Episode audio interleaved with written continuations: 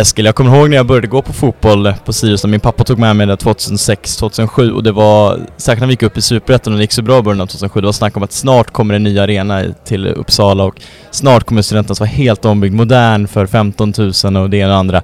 Åren gick, eh, Sirius sjönk ur divisionerna, gick upp i divisionerna. Jag ska ärligt och säga att jag trodde nog aldrig nästan jag skulle få se ett nytt Studenternas, eh, och, men det har vi fått göra. Och eh, Studentas är väl, ja det är väl färdigt nu får man väl säga. Och vi ska väl prata lite Studentas med Stefan Wittberg. Välkommen till podden. Tack så hemskt mycket Viktor, tack. Eh, Stefan, du är, ser man AO-verksamhet på ert lingo? Ja. Affärsområdeschef. Ja, för att göra det enkelt så är väl jag den som är ansvarig på Studenternas för verksamheten som bedrivs. Mm. Och det är, eh, jag tänker vi ska försöka liksom bena ut lite hur det ser ut med alla. Det är lite företag och bolag hit och, Mm. och så är det kommun hit och så. Men vi börjar. Arenan Studenternas ägs av Uppsala Arena och Fastigheter Exakt, som är ett kommunalt bolag Ja. under Uppsala kommun. helt rätt. Ja, och då är du, vad är exakt din roll? Vad gör du för... Eh, jag För det bolaget. precis som du sa, är ju affärsområdeschef och bolaget har ju ett antal affärsområden.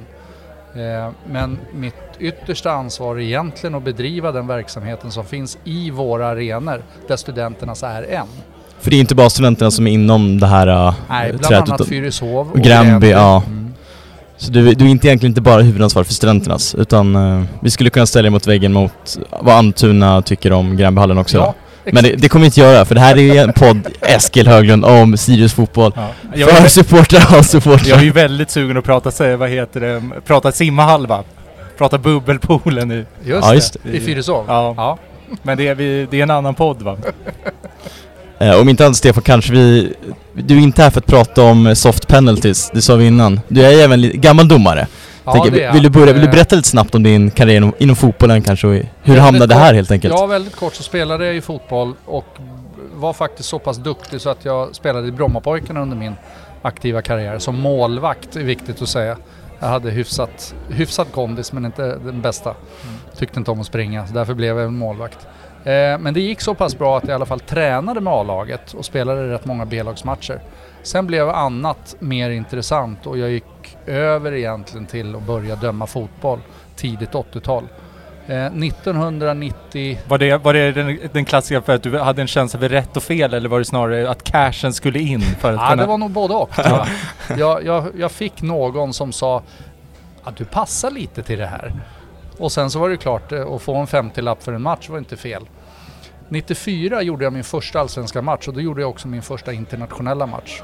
Och sen slutade jag karriären 2013. Både internationellt och i allsvenskan. Och har dömt över 400 allsvenska matcher, ungefär 200 internationella. Så att den delen eh, är jag ganska stolt över och har dömt i princip allting. EM, VM, eh, Champions League, Uefa Cup, två finaler och så vidare. Eh, nu är jag kvar som eh, utbildare. Jag, jag utbildar domare upp till elitnivå. Och sen så eh, tittar jag också på domare. Så jag sitter ganska ofta på studenternas på medialäktaren högst upp och bedömer domarkvartetten. Så det är väl kort om min domarbakgrund. Så eh, regelfrågor och sånt där går jättebra att ställa. Även i efterhand. Mm. Ja. Ja. Annars håller jag Eskil som någon form av policy att inte prata om domarbeslut och, och hela den grejen. För vi Men, kan ju inget, men du, du, du får ju bli vår Jonas Eriksson helt enkelt. Ja, just det. Ja. Ja. Eh, men om vi går in på mer varför du är här. Uh, hade varit superhärligt att prata vem som är, vem som är jobbigast, eh, vilken den jobbigaste tränaren och så vidare. Men va, någonstans så har du har varit in, eh, liksom arenan, studenterna så har ju varit igång i full bruk i ungefär ett år nu.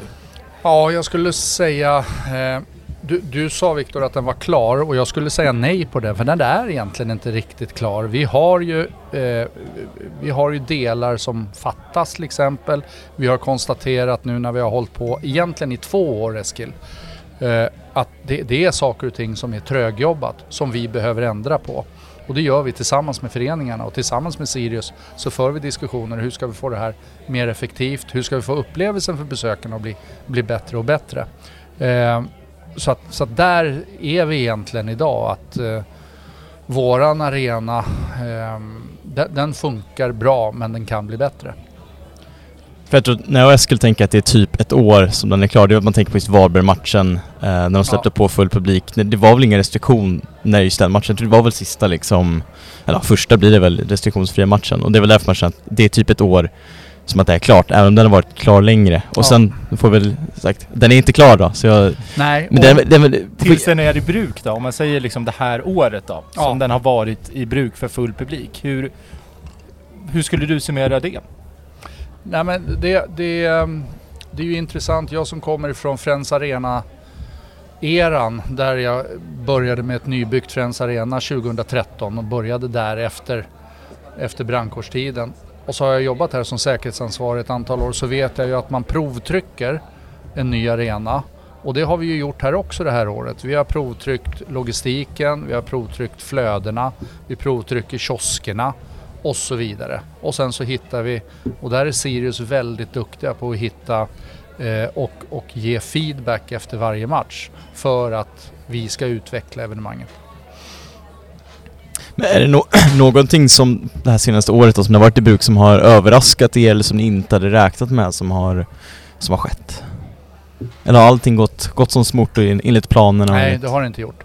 Eh, det som har överraskat egentligen är ju att ja, för det första så har vi ju inte haft, och det är ju det är på den positiva sidan, vi har inte haft några olyckor egentligen. Eh, vi hade en ganska allvarlig händelse där en borta supporter fick ett hjärtstopp och där vi konstaterade att våran och Sirius organisation fungerade till pricken. För vi har ju rutiner kopplade till olyckshändelser som är på arenan oavsett om det är ett hjärtstopp eller om det är ett brandlarm eller någonting.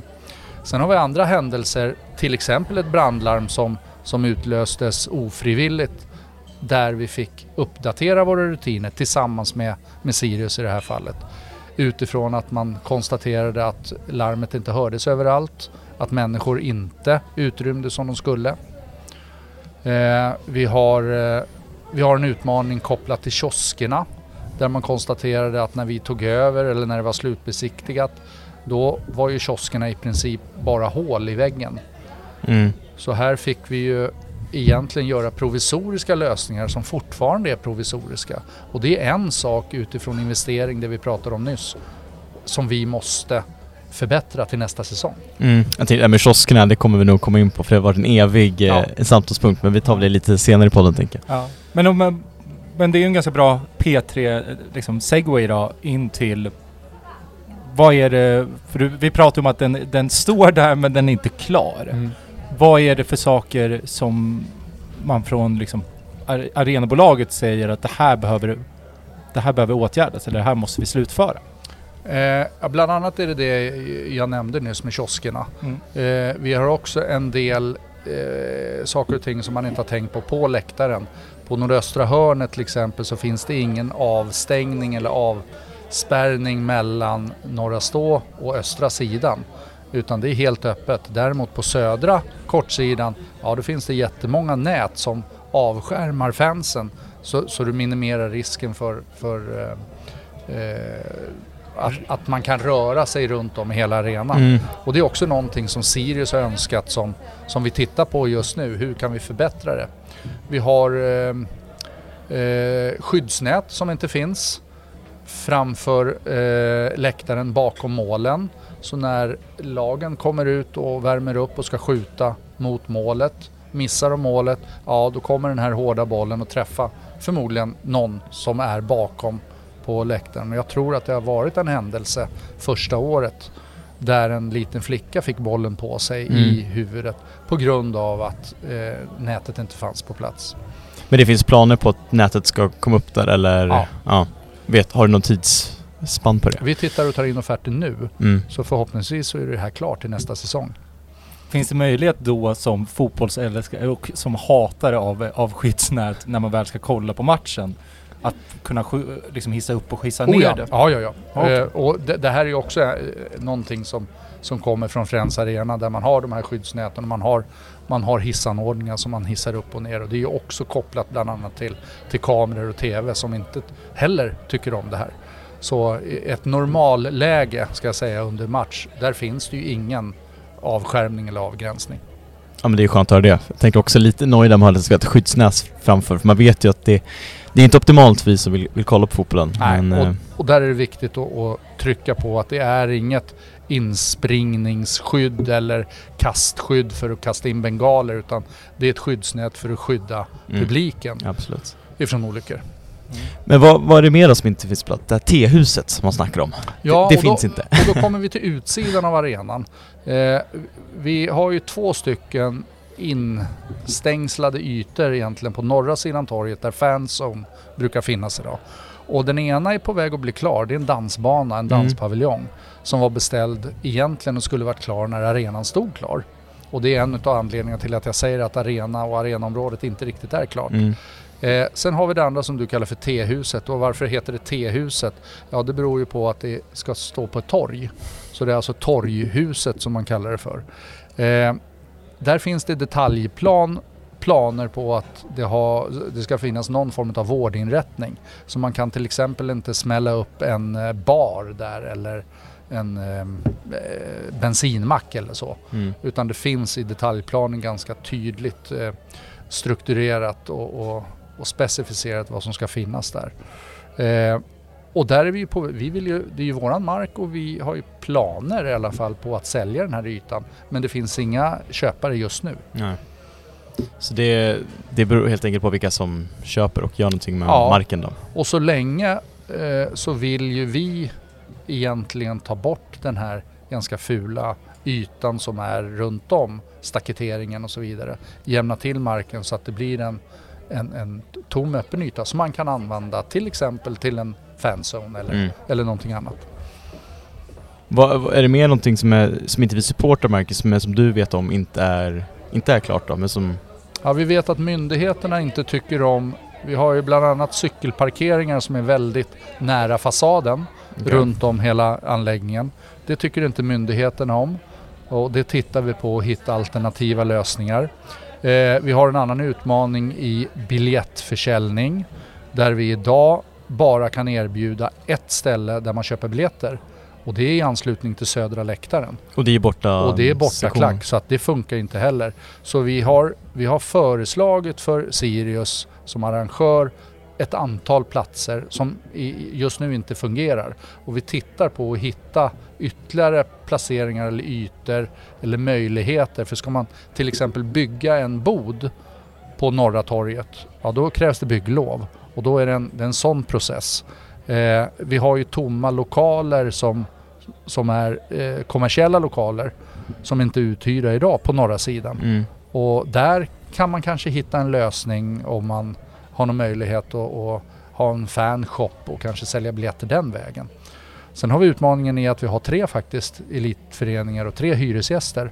Och alla, vi jobbar ju i Uppsala kommun med lika principen så att alla ska ju ha möjlighet till lika behandling Mm. kopplat till det här bland annat. Men när det gäller just de här norra delarna med lokalerna som inte är uthyrda, tänker jag bara som en enkel liksom, lekman. Är det inte bara att som, hyra en bod eller handlar det om, eller inte en bod men ett, en lokal och ha någon form av supportershop och sälja biljetter? Men, eller är det ekonomiska... Nej, det, det är helt rätt och vi tittade på det också. Men utmaningen ligger i att eh, lokalerna inte är färdigställda. De är inte hyresgästanpassade så det är ju råbetong. Öppnar man dörren eller tittar in eh, så, så är det råbetong. Det finns inga element, det finns inga ehm, Inget brandskydd, det finns ingen ventilation och så vidare. Och det här är ju för att hyresgästen som ska flytta in där ska få bestämma helt själv hur man vill ha sin, eh, sin lokal. Ja, okej. Eh, Sen vet jag också att det har funnits snack om att det skulle finnas någon form av LED-skyltar eller stora skärmar vid hörnen på studenternas. Mm, jag- inte, inte LED-skyltar utan eh, jag, jag pratar egentligen pyloner och orienteringskartor. Okej. Och idag så... För oss som är inte så bevandrade i pyloner och orienteringskartor, vad innebär det? En, en pylon är egentligen en eh, ställning som kommer från marken som sträcker sig ganska högt upp. Det kan vara en samlingspunkt eller någonting.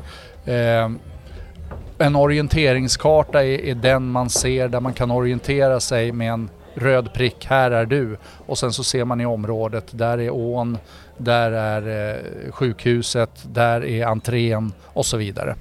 Och vi har ju i projektet, när vi höll på att bygga det här, det är inplanerat att vi skulle ha fem stycken stora orienteringsskyltar. En i varje hörn och så en på öst, eh, västra sidan, entrén emot eh, huvudläktaren. Mm. Och de har ju heller inte blivit av så det är också en sak som, som jag menar som inte egentligen, det, det är inte färdigt.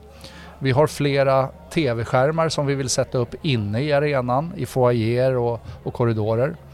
För att visa information och eh, information om nästa evenemang och så vidare. Men vems ansvar är det att färdigställa det? Är det... Ja, det är vårt ansvar. Det- ja. ja, absolut. och, och varför har ni inte gjort det? Det är ekonomi. Det är Mm. för att man i projektet när man byggde det här så valde man att ta bort ett antal funktioner. Vi har ytterligare en funktion som man har valt att ta bort och det är vändkors. Ja, Idag så när ni går in på arenan så blir, så blir ni visiterade och sen så är det en person som skannar era biljetter. Och har man ett vändkors så har man mycket tydligare och lättare att kunna, eh, kunna se hur många är inne, eh, var på vilka sektioner är de inne. Plus att vi ska också komma ihåg att det är ett krav från Uefa om vi ska klassa det här som en internationell arena. Att ha vändkors alltså? då? Ja, vi kan alltså inte ha några internationella matcher på arenan om vi inte har vändkors. Och det här är ju såklart en, en förhoppning att Sirius går vidare, att man, man får en sån placering i Allsvenskan så att man kommer vidare och spelar kvalmatcher och så vidare ute. Och då måste arenan stå klar för det. Det hade ju varit ändå otroligt antiklimaktiskt om Sirius skulle till Europaspel men inte få spela på Studenterna för att vi saknar vändkors. Ja, och upp till Gavlevallen istället. Ja. Men ja, Det är, på något sätt finns det också något dröm i det. Det, det blir mer my, my, my, mytomspunnet 2027 på Galvallen. på grund av uteblivna vändkors. Ja, det, Ja, ja, det hade varit något. ja. Men på tal om det då, om man pratar om, för det är ju det man ställer sig frågan, alltså vad är det, förutom vändkorsen då, men vad är det för, vad är det för, fyller annars i arenan de kriterier som man ska uppfylla Ja. för Uefa-matcher? Det gör man. Uh, Uefa klassar ju sina arenor till, från 1 till 5. Och där är ju vi just nu i en Uefa kategori 3.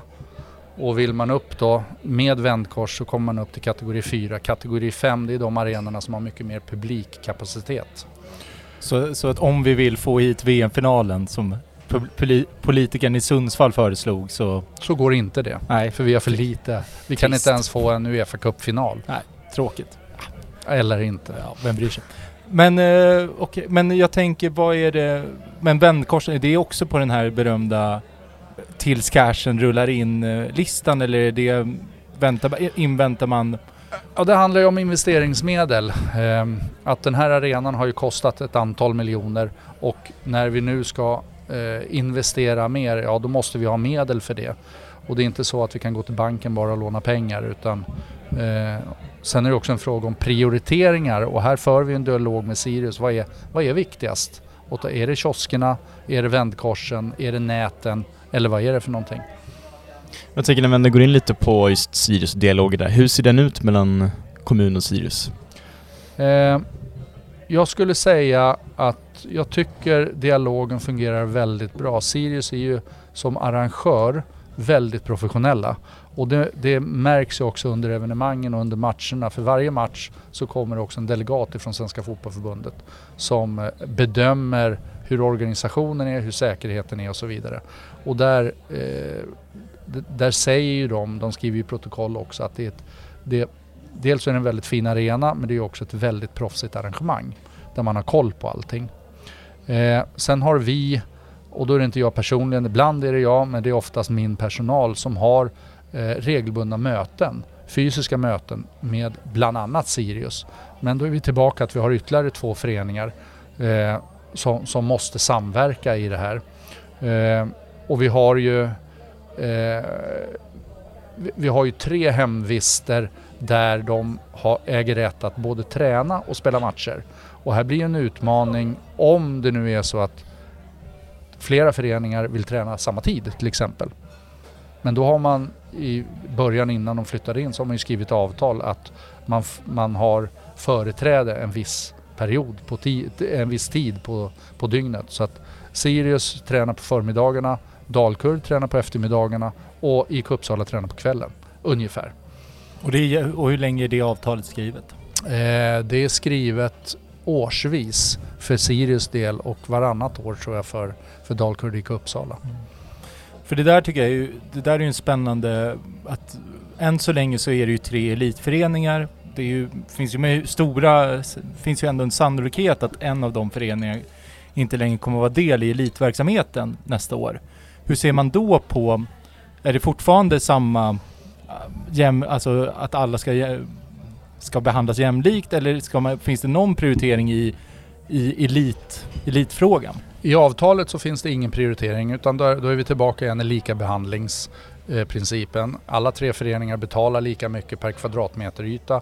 Alla tre föreningar betalar lika mycket kopplat till match, eh, matchavtalet. Det vill säga vad, man får betala för en match beroende självklart på hur mycket, hur mycket publik det är, vilka sektioner man nyttjar. Eh, vi följer ju Svenska Fotbollförbundets eh, statuter kopplat till elitfotboll. Och där är ju herrarna division 1, herrarna superettan, herrarna allsvenskan med som elitföreningar.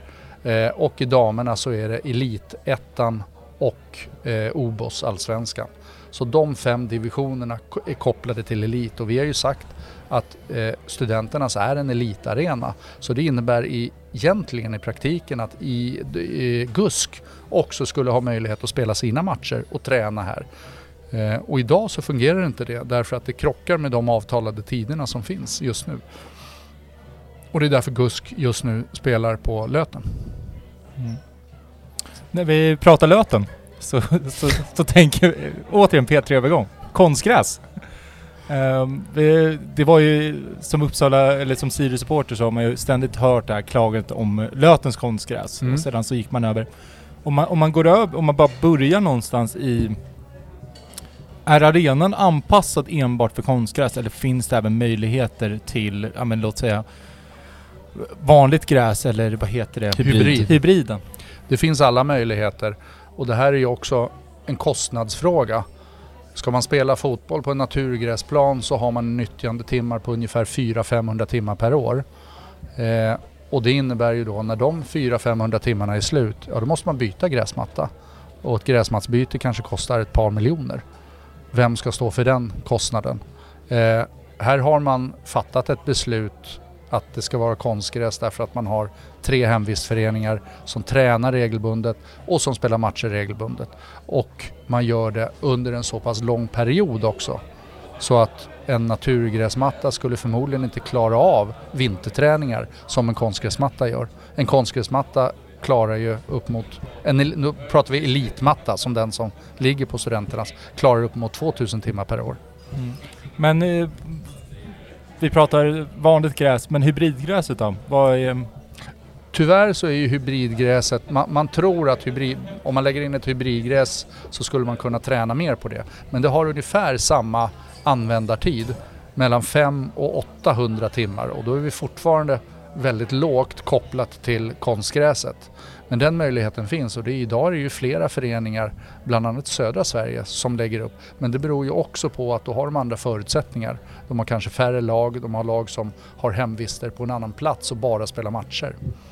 Men, men i teorin så går det i alla fall att byta ut från Absolut. konstgräs till naturgräs eller hybridgräs. Men det Ja. handlar om, det är framförallt en beläggningsfråga då. Ja, och så, och så länge vi inte har egentligen en, en diskussion eller ett, ett beslut om eh, att byta, då är det ju konstgräs som gäller och då jobbar vi utefter, ut efter det kopplat till eh, tider när mattan ska bytas för att bibehålla kvalitet och så vidare. Mm. Och när det gäller då liksom, vilka som ligger beslut för att byta, är det kommunen eller kan klubbarna ligga på säga, om nu Sirius då på ett årsmöte skulle få upp en motion och driva frågan om naturgas, Mm. skulle då Sirius kunna vara en sån en part som kan driva den här frågan eller är det bara upp till kommunen som gör en mer ekonomisk kalkyl över det hela? Ja, men jag tror också att det handlar, precis som du säger, om, om ekonomi. Därför att skulle man vilja spela på naturgräs, ja då kommer man ju beskriva att ja, vill man ha naturgräs på den här arenan då kommer det att kosta så här mycket. Vilka är det som ska stå för pengarna? Är det föreningarna som ska spela? Är det idrott och fritidsnämnden som hyr hela arenan? Eller är det någon annan? Är det skattebetalarna? Var, var hamnar vi någonstans? Mm. Och så länge det inte är någonting så, så förhåller vi oss till i alla fall som ansvarar för, för det, att, att det är konstgräs. Mm. Men det är precis som, vi är tillbaka igen på Friends Arena, där har man ju naturgräs på, på sommardelen och sen så när man övergår till vinterdel, ja då tar man in en konstgräsmatta därför att man ska kunna ha möjligheten både för, för herrar och damer att kunna träna och spela kuppmatch och så vidare istället för att gå ut någon annanstans till Skytteholm till exempel där man har mycket sämre kvalitet på mattan. Men eh, låt säga att eh, SEF beslutar att ehm, det ska spelas, ehm, det ska, man ska spela på gräs. Det är ett krav för att en arena ska få vara del i Allsvenskan till exempel. Eh, då, då skulle det gå jäkligt mycket fortare. Tolkar jag det rätt då? Ja, och då är, då är vi inne på en annan jätteintressant sak därför att då har vi ju de olika förbunden ställer ju olika typer utav krav på arenorna. Vi pratar egentligen inte bara fotboll utan vi pratar alla typer utav av idrotter. Basketen, ja då ska korgen hänga si och så högt. Ishockey, ja men då ska man ha in en fiber in i omklädningsrummet för man ska visa paustid. I fotbollen så, eh, det senaste man gjorde var ju att ändra belysningskravet att det skulle vara mycket högre lux och då är det kopplat till tv-sändningen och tvs krav. Och det gjorde ju att man fick byta studenternas ursprungliga eh, belysning, planbelysning, till en annan typ av planbelysning som blev mycket, mycket dyrare. Och den här typen utav krav som kommer antingen från Svenska Fotbollförbundet eller från Uefa, de kommer ju regelbundet. Vem ska ansvara för när vi har Idag har vi 14 stolar på avbytarbänken. När Uefa säger nu ska ni ha 18 stolar eller nu ska ni ha 20 stolar. Vem ansvarar för den ombyggnationen? Det, det, är en, det är en väldigt intressant fråga och en väldigt intressant diskussion. Därför att föreningen tar ju inga kostnader. Föreningen måste ju bara göra som förbundet säger. Ska man då eh, kravställa kommunen eller arenaägaren och var i så fall ska kostnaden hamna? Mm. Alltså hyres, hyresägaren är väl, alltså på samma sätt i det civila så har du ju en, alltså du får inte hyra ut en eh, för hög radonhalt till exempel. Och det ändrades ju, alltså det fick man hyra ut förut. Mm. Pitchar jag upp. Ja, ja, ja men, och, jag, och jag kan hålla med dig att vi, vi kan inte vi kan inte lägga den här typen utav krav kan vi inte lägga på, på föreningarna. Därför att de är ju ålagda vissa kriterier. Men däremot kan man ju fråga sig när ska arenaägarna, oavsett om det är en privat ägare eller om det är en kommun, när ska de, eh, när ska de säga nej? Det här är en för stor investering, det här klarar vi inte. Bara för att fotbollförbundet eller Uefa eller TV ställer ett visst antal krav. Jag tänker vi har tassat runt frågan lite grann med, just med, med konstgräs. Då måste vi väl ändå komma in på det att är, är det konstgräsets fel att vi får massa knäskador? Jag vet inte Nej. faktiskt. Jag hoppas inte det.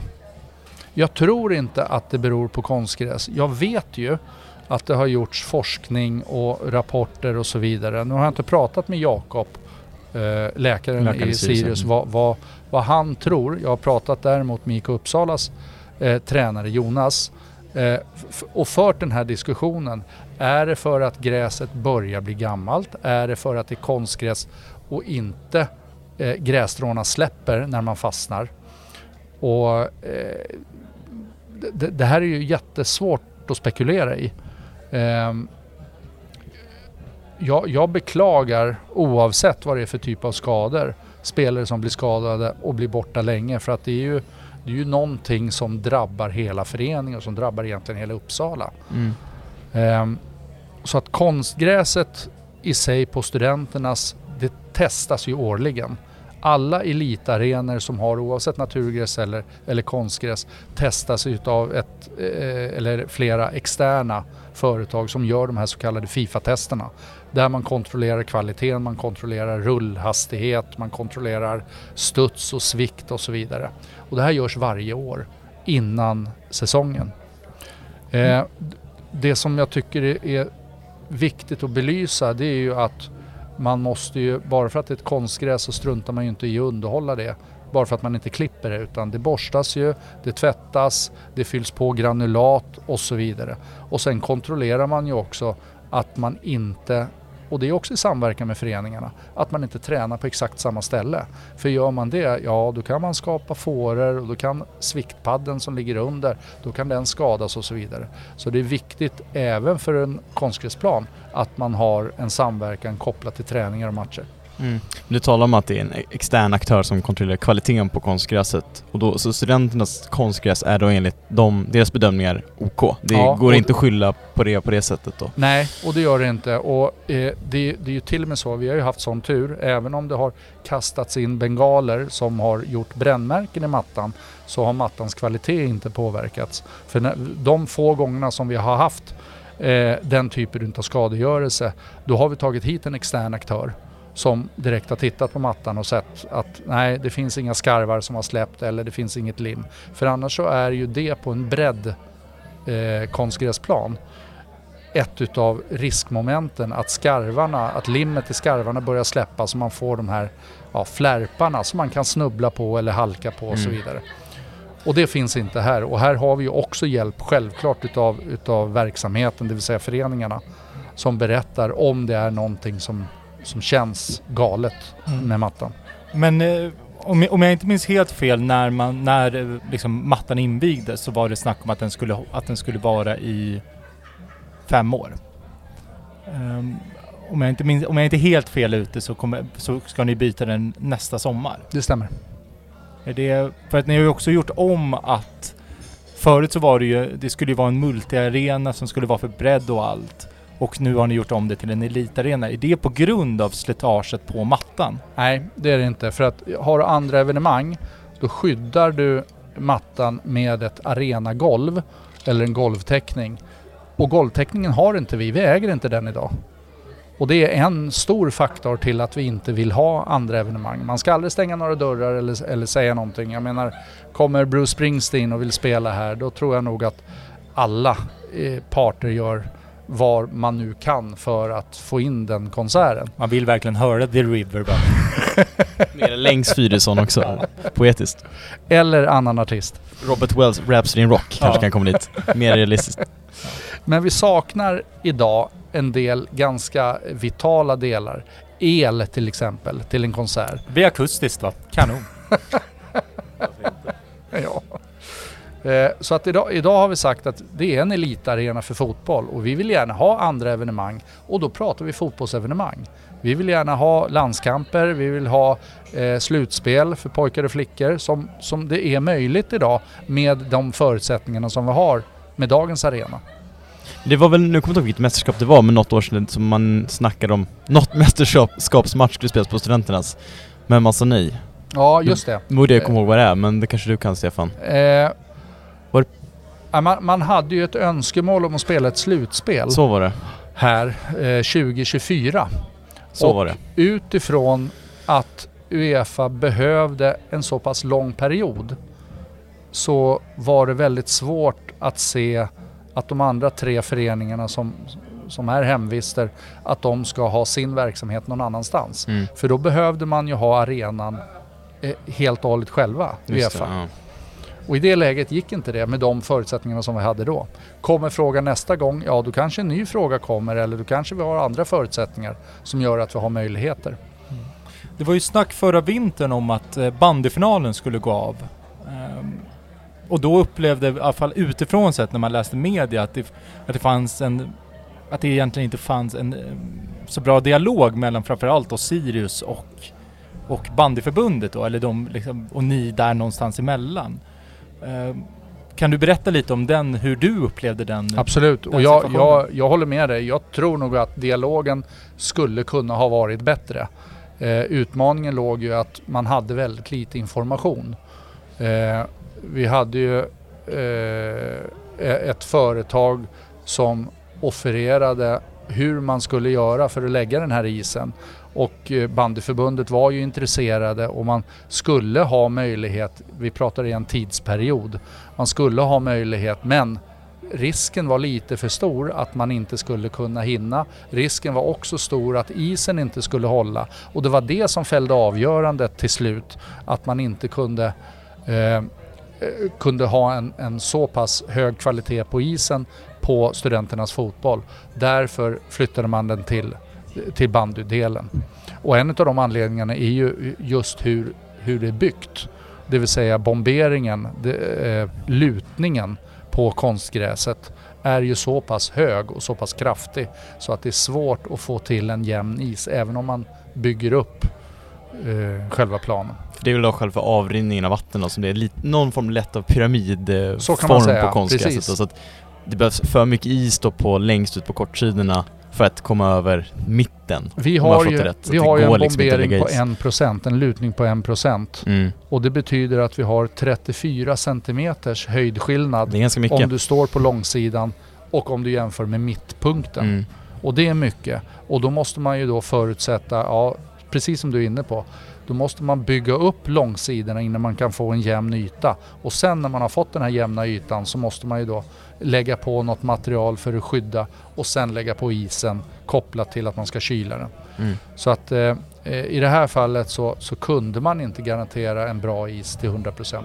Och det var därför som bandyfinalen eh, kom till, till, ja, till bandypisten. Mm. Mm. Vad, vad lärde ni er av den, liksom, den situationen? För våran del så tror jag nog att vi lärde oss att vi, vi ska ha en tätare dialog eh, med alla hemvistföreningar och egentligen alla inblandade parter när vi får förfrågningar om externa evenemang. Nu är det lite lättare i och med att vi har satt ner foten och sagt att det här är en elitarena för fotboll. Vi ska bedriva elitfotboll här, punkt. Mm. Jag tänker, ska vi ta en liten paus Eskil? Ja, Så ska vi ta lite mer frågor sen efter pausen. Härligt. Vi är, vi är tillbaka. Vi avslutar det här med att prata lite bandyfinal och, och då tänker man ju, blir det ju osökt, du är väl också ansvarig för bandy, bandyplanen? Exakt. Hur är det med den? Är den? eh, Ska det göras några fler satsningar på den?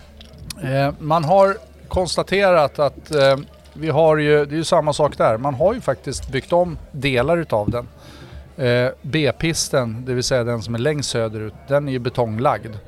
Och planerna var ju även betonglägga A-pisten, flytta A-pisten längre österut, byta plats på huvudläktaren så att den kommer närmare då eh, Ulleråkersvägen. Men det här går inte rent praktiskt, både byggnadsmässigt och praktiskt. Och sen så kommer våra nya dragning av Ulleråkersvägen om ett par år när Tullgarnsbron sen blir klar. Och den vägen kommer väldigt nära bandyn. Så här har vi en jätteutmaning i att överhuvudtaget kunna spela bandy när vi har en bilväg som kanske är 10 meter ifrån. Här måste vi hitta en lösning. Nät va? Ja men då har du ju saltet och det här som går, kanske går igenom nätet. Plexiskiva bara, kör, kör upp skiten. Men, eh, men för det är eh, smalt här, men eh, jag är ju aktivt, aktivt hat av Hall. Jag tänker, för det finns ju ändå lös, lite lösa planer om Finns det någon möjlighet från er, liksom har man, har man uteslutit att kunna bygga en bandyhall Nej. på den? Nej, vi utesluter ingenting utan vi får ju egentligen uppdrag utav politiken att utreda vissa lösningar och det är en utav dem. Sen finns det ju andra lösningar, det är ju att hitta nya ytor eh, som du är inne på att bevara och förbättra och investera mer pengar i studenternas bandydel. Så att det finns ju ja, ganska brett spektrum av, av möjligheter där. Mm. Varför är du inte eh, en fan av Hall? För att det är en fruktansvärd eh, upplevelse att vara, vara i ett frysrum. Det är ko- komplett värdelöst. Se det där skiten, se ljuset som glimrar mot is är helt värdelöst. Det är liksom en utesport av en anledning. Ehm, det har funkat kanon i hundra år, det kan få fortsätta eh, fungera kanon. Ja, det, Ah, ja, det är en annan Väl, väl rutet Eskil. Ja, det är, det är, men eh, det finns väl också ett årsmötesbeslut att Ja, man i det. varje, varje enskilt forum ska vara aktivt kritisk mot bandyhalva. Just det, dub, dubbla stolarna, Ja. bästa sidan Eh, eh. Ehm, en annan grej jag tänkte med, ehm, när vi pratade det här med beläggning på själva eh, arenan. Eh, vår ordförande i Sirius pratade, nu Ulrika pratar ju om eh, att det finns även, att Sirius har tankar om att försöka att träningsverksamheten ska vara på någon annanstans än studenternas. Är ni någonstans involverade i det, i det arbetet också i att i hitta mark till det? nej, vi har inte fått något uppdrag än. Det finns ju mark som kommunen äger. Eh, det finns ju privat mark också. Jag menar det, fin det finns ju föreningar i Uppsala som, som äger sina planer. Eh, och eh, vi tittar ju på alla möjligheter och är det så att man vill, man vill ha en hemvist någon annanstans, ja då är det klart att vi ska hjälpa till och titta på möjligheterna för att, för att få det att gå i, eh, gå i lås. Och då är vi tillbaka igen.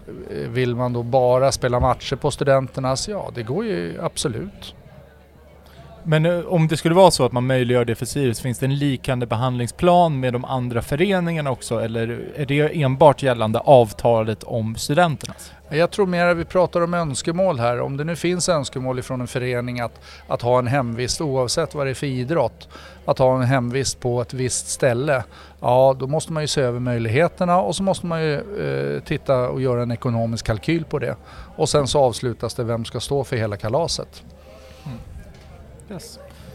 Ska vi komma in lite på ko- kontoren Eskil? Ja, Jag vet att den, det finns en fråga kring det. den andra beläggningen. för du nämnde ju det här med att vissa, att det finns ju områden liksom hur, hur många, för det, så jag har förstått det att en del av finansieringen av arenan ska vara uthyrning av lokaler. Just det. Hur stor del av, um, hur många, hur stor del av de här kontorsytorna är uthyrda? Oh, säg att vi är uthyrda någonstans mellan 70-80 procent idag. Eh, och vi har ju, dels så har vi ett kontorshus, det som ligger i sydvästra hörnet, det vita. Och i det kontorshuset så ingår ju bland annat VIPen, VIP-avdelningen på plan 2. Men kontorshuset är ju sju våningar högt och huserar in ett antal hyresgäster. Sen har vi ytterligare eh, lokaler på norra sidan där bland annat Brasserie 21 ligger, som är restaurangen. Eh, vi har en, eh, en hyresgäst som har flyttat in precis bredvid Brasserie 21 och sen så har vi idag tror jag tre tomma lokaler på den norra sidan. Så det är de ytorna som, som vi, vi jobbar med när vi pratar uthyrning. Men när du säger 80% är det då hela, hela, alltså hela arenan eller är det enbart kontorsdelen? Enbart kontorsdelen därför att arenan är ju idag de facto uthyrd. Mm. Jag fattar. Men och så går man, så går man de facto plus med det, på det här? Nej, det gör man inte. En, en eh, arena i det här läget kan aldrig gå plus med de marknadshyrorna som finns idag.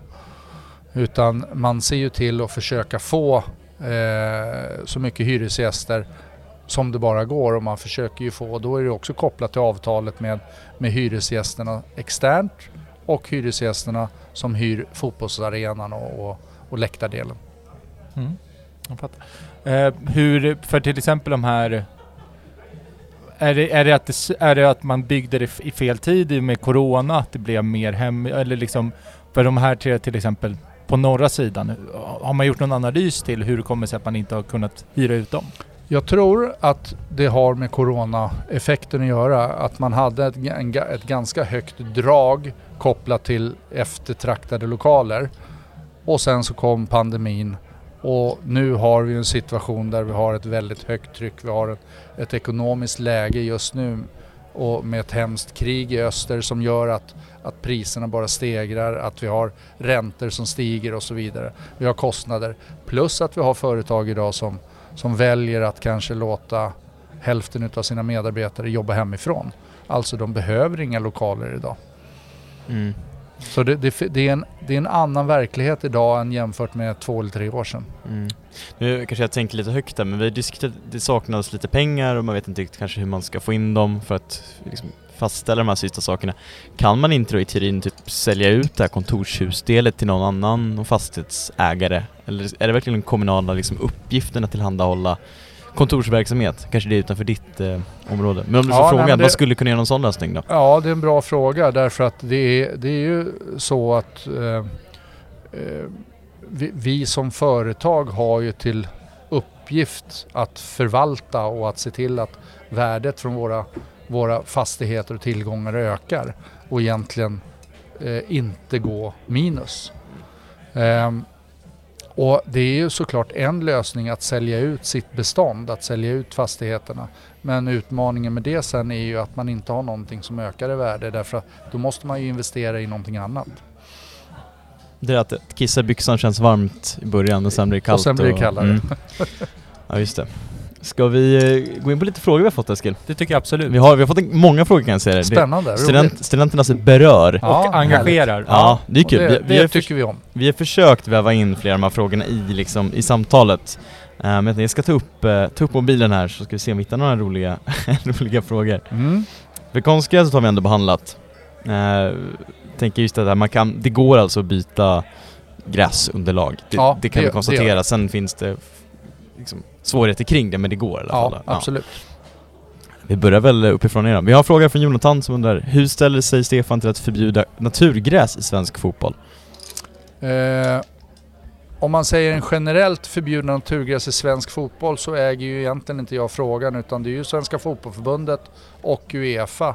Och här är det ju faktiskt så att man snarare är inne på tvärtom. Mm. Att man är inne på att förbjuda konstgräs. Ja, jag undrar om inte Jonathan Ja. menade konstgräs, men han skrev naturgräs. Ja, men men så Jona- kan- Jonathan, journalist på Aftonbladet, driver ju frågan hårt att spela på gräs är någonting dumt och fult. Att det är, att det är, det är ett förlegat sätt att spela fotboll. Så han driver väldigt hårt frågan att ja, man... de menar naturgräs då? Ja, han är helt Ja. för... Han menar helt enkelt förbjud naturgräs i svensk fotboll. Ja, okej. Ja men, då har du fått svar på frågan i alla fall då, Jonathan. Eh, jag kan fråga från Jens här. Han säger Jag har suttit på huvudläktaren sedan nya studion öppnade. Vi har redan då... Från, vi har redan från början funderat över hur man tänker när man designat flödet för kioskerna. Det gäller att gå helst strax in i en signal för att hinna handla innan halvtidsvilan är över.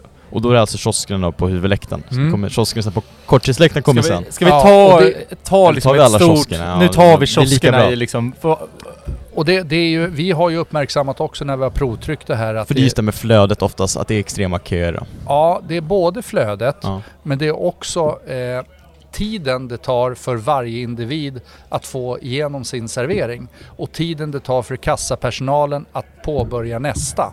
Och det är kopplat till flödena därför att idag så finns det ingen tydlig in och utgång. Eh, man vet inte var man ska stå i kön och när man sen har fått sina varor och vänder sig om, ja då är det helt fullt. Då finns det ingen utgång, man kan Mm. inte gå någonstans. Vilket gör att det tar, går mycket långsammare. Där vet jag dock att Sirius har planer på att göra follor. I alla fall på korttidsläktaren. Så att Exakt, ska... och det är eh, någonting som vi tittar på också. Så det är en del utav hela den här lösningen. Vi har flera varianter på lösningar. Det är att bygga om kioskerna så att diskarna blir lägre. För nu har ju personalen svårigheter faktiskt för att diskarna, om ni tänker på det när ni De är är högt nästa upp, gång, ja. så är diskarna väldigt höga. Eh, så eh, göra om och bygga om diskarna rent fysiskt, installera follor så att man har en möjlighet att börja leda folk. Och det, eh, man, man kallar det ju antingen för crowd control eller crowd management. Och det här är ju ett, en koppling till crowd control där man leder in människor i follor för att kunna kunna ha flera människor på en begränsad yta samtidigt. Och vi har en arkitekt inne som också har varit arkitekt på Friends som tittar på den här typen av lösningar. Sen går det inte att komma ifrån att det är en utmaning när vi har 15 minuters paus. Och vi har 15 minuter att alla ska bli serverade. Och här har vi bara en maxbeläggning på 10,5 ungefär. Vi har andra arenor som har mycket, mycket högre beläggning. Och då måste man hitta andra lösningar där också. Men hur, hur kommer det sig, om man börjar där, att, att för mig som ändå brukar kioskerna så är det, känns det som att man inte har riktigt... Det känns ogenomtänkt i, i konstruktionen och utformningen. Vad, vad beror det på? Det kan bero på flera saker. Det kan bero på att man inte har haft tillräcklig kompetens när man har eh, gjort de här kioskerna från början. Det kan vara så att man inte har fått någon operatör som är intresserad vilket gör att man tar till då nödlösningar i, i sista sekund så att man överhuvudtaget kan få en kiosk som halvhjärtat fungerar. Det, det är ändå, tror jag, tio kiosker som, som öppnas och opereras under varje, under varje match. Och sen är det ju såklart också då kopplat till just den här, just den här kvarten. Eh, och här ser ju kioskoperatören och Sirius och vi över de möjliga lösningarna som man, som man kan göra på kort sikt men också på lång sikt. För då är vi tillbaka igen att vi kan ju hitta snabba lösningar men det kanske inte är sådana lösningar som, som funkar längre fram. Vi håller på just nu till exempel att ta fram en, en app där du kan förbeställa saker i kiosken och det här blir det en test redan till nästa match, nästa hemmamatch. Där vi ska göra en test med eh, livepublik för att se, eh, se är det här ett system som fungerar på studenternas? Samma typ av system, eh, system finns ju på andra arenor idag där man kan förbeställa och sen så hämta maten när man har, när man har betalat. Precis, jag försöker läsa frågan också men det är att en som är till baksidan också kioskerna, eh, de borde kunna nyttjas för försäljning, de görs inte det just nu. Det är också en sån grej man skulle kunna kolla på då. Och då är det baksidan eh, kopplat till de kioskerna som bland annat finns på Norra Stå. Mm, Eh, precis. den typen av kiosker finns ju... Arkens Gärde då? Just det. Den typen av kiosker finns ju inte på Södra eller på Östra. För där är det ju eh, ut mot planen. Så Mm. där, där är det ju ett sätt att jobba. Men det är precis som du säger. Eh, det finns ju också eh, utredningar och se, kan man ha sådana här genomgående kiosker där man går in från ena sidan och går ut på andra sidan Mm. och tar saker och ting på vägen. Men då är vi tillbaka igen att man kan inte hälla upp öl och ta själv utan man måste bli serverad. Det är ju vad, det är vad lagen säger. Mm. Men det är det är också en möjlighet som man tittar på. På tal om öl så har vi fått frågan det här med eh, när ska Triller kunna få ett utgivningstillstånd för att kunna servera starköl? De har tillstånd faktiskt. Eh, Så det är inte fråga om det utan det är frågan om att polisen inte godkänner att ha fotboll och öl samtidigt. Och det är till och med så, vi ska inte skylla på polisen i det här läget, utan det är också Uppsala kommuns policy att inte servera starköl på idrottsplatser. Ja, jag försöker processa hela Ja. grejen. Men, men i teorin då, så kan de servera starköl. Men Mm. det går inte på grund av polis och kommun. Ja, men om vi eh, bortser från de små grejerna så... Ja, och då, då är vi Men då måste vara en egentligen- inhägnad ja, ja, liksom ja, restaurang, Precis, jag ska ja. förtydliga det. Då är det, då är det till exempel inne i Brasserie 21. Mm. Där kan du servera starköl. Du har möjlighet att göra en inhägnad yta i arenan, till exempel inne i vippen Mm. som är en begränsad avdelad. Det, det ligger inne i, i arenan men det är fortfarande en begränsad avdelad yta där du har alkoholvärdar som ser till att du inte tar med starköl ut på läktaren. Att sälja folköl i eh, kioskerna, det är inga problem. Nej. Men då har du också ett regelverk som både Uefa och Svenska Fotbollförbundet har där du, där du förbjuder att sälja starköl i kioskerna. Mm. För jag tror, för Marcus skickade en fråga då, vad skulle krävas för att eh, Brasil 21 ska få servera alkohol vid kioskområdet, det på hörnet vid Arkens Gärde? Mm, och det är den kiosken vi kallar terrasskiosken. Och det handlar dels om att polisen godkänner det. Det handlar om att vi bygger, precis som du är inne på, en folla eller vad man ska kalla det, ett begränsat område Mm. med staketering. Mm. Eh, och att man då får tillstånd och hittar eh, rätt möjligheter kopplat till utrymningsvägar och så vidare. Mm. Vem ska man lobba för hos kommun då? Att för, förändra den otroligt la- larviga regeln att man inte får dricka öl på en fotbollsmatch? Eller Oj, eh, det är svårt. Eh, prata med politiken, de politiker som ni har valt. Du har röstat med, du Ja. vänta fyra år innan du får... känns, känns, det, att, vi inte, att vi inte hade den här intervjun för två veckor sedan. Ja, fan, borde ha ringt in Erik Pelling Ja, eller något. Ja, exakt.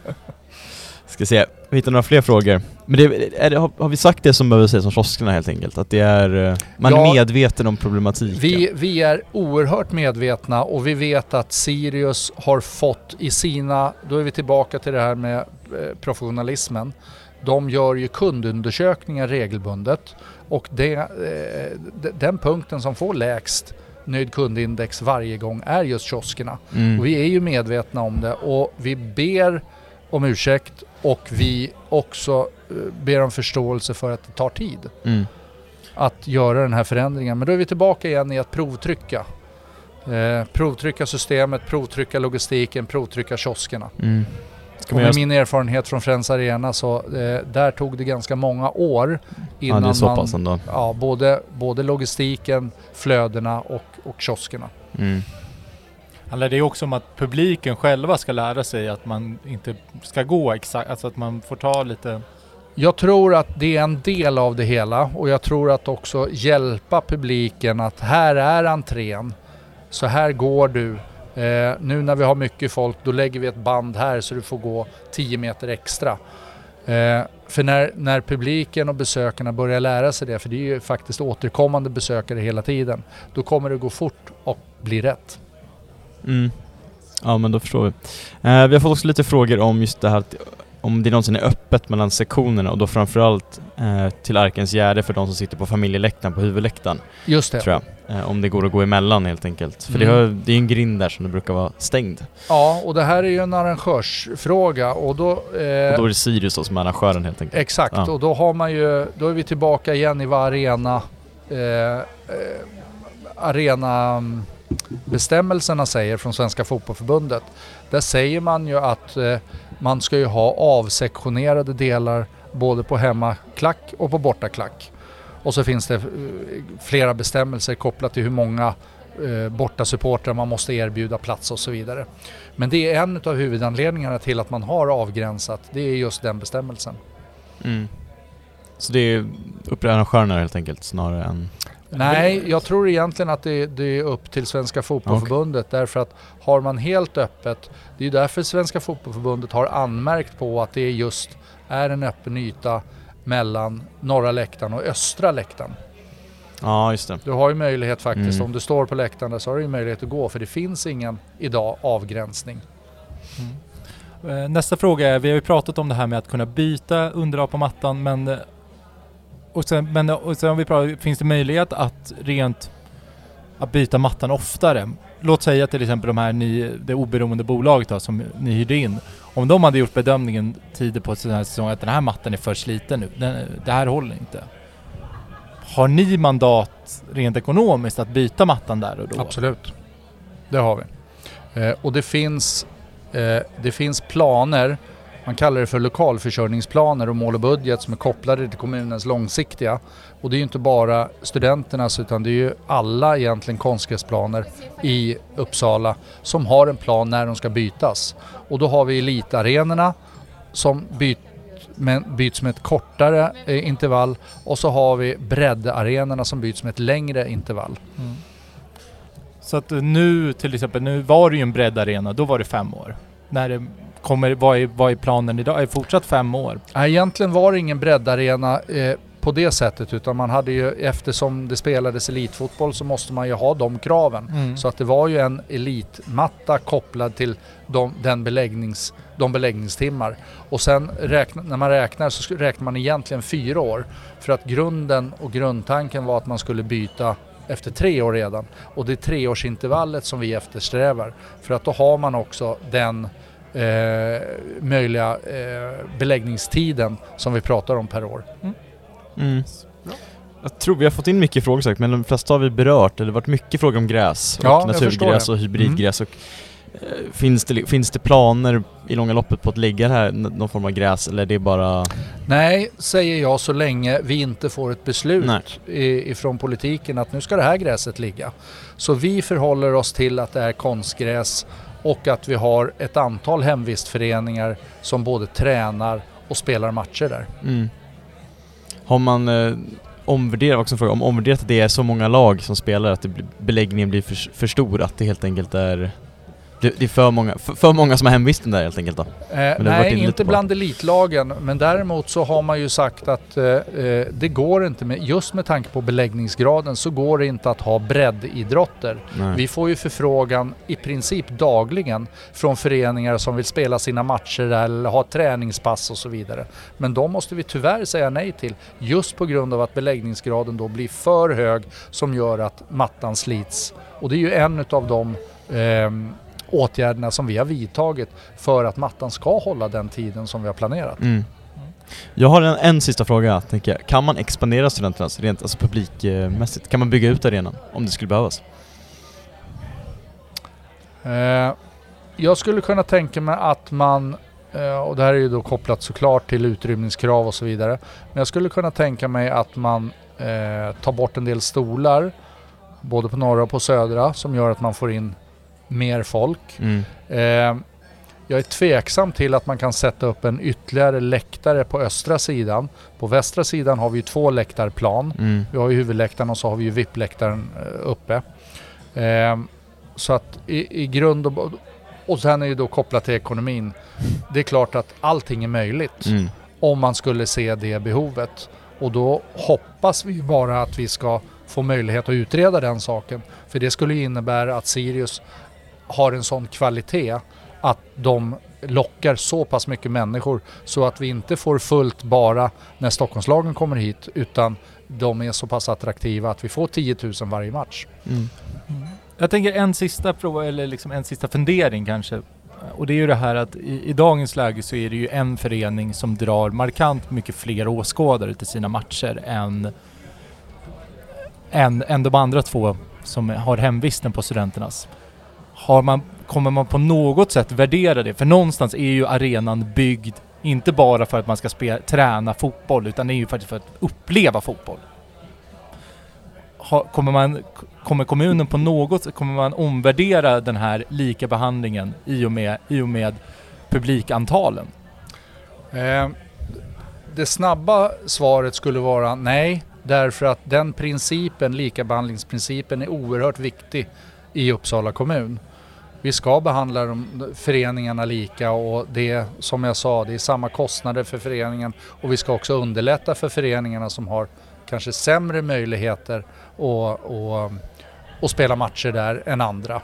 Eh, vi vet också att Svenska Fotbollförbundet har ju en prioriteringsordning och det är ju därför man väljer att börja med Allsvenskan herrar när man gör matchtillsättning. Sen tar man Allsvenskan, OBOS-allsvenskan damer och sen tar man Elitettan och sen tar man Superettan. Det är ju den prioriteringsordning som ska, Svenska Fotbollförbundet har.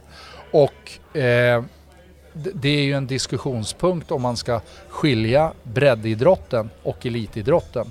För idag när till exempel eh, man gör tilldelningar utav träningsplaner och så vidare, då har man ju tagit bort eh, elitföreningarna.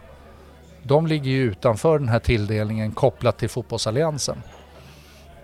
Och det har man ju kanske gjort av en anledning därför att de har ju möjlighet att träna till exempel på dagtid.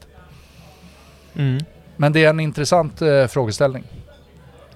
Tack så jättemycket Stefan, så hoppas vi väl att eh, vi får väl höras igen om kanske två år när vi har sålt ut eh, studan 30 av 30 omgångar och ska börja skrika på att nu måste vi bygga ut den här skiten. Ja, eller när vi har en eh, kvalmatch i eh, Conference League eller något sånt. På, Exakt. På Gavlevallen. Med T-korsen! nu ska T-korsen upp för fan. Jag tackar också, det var roligt att bli inbjuden Ja. och eh, som sagt eh, bra eh, forum och det är roligt att få vara med. Kul, kul att höra. Hej.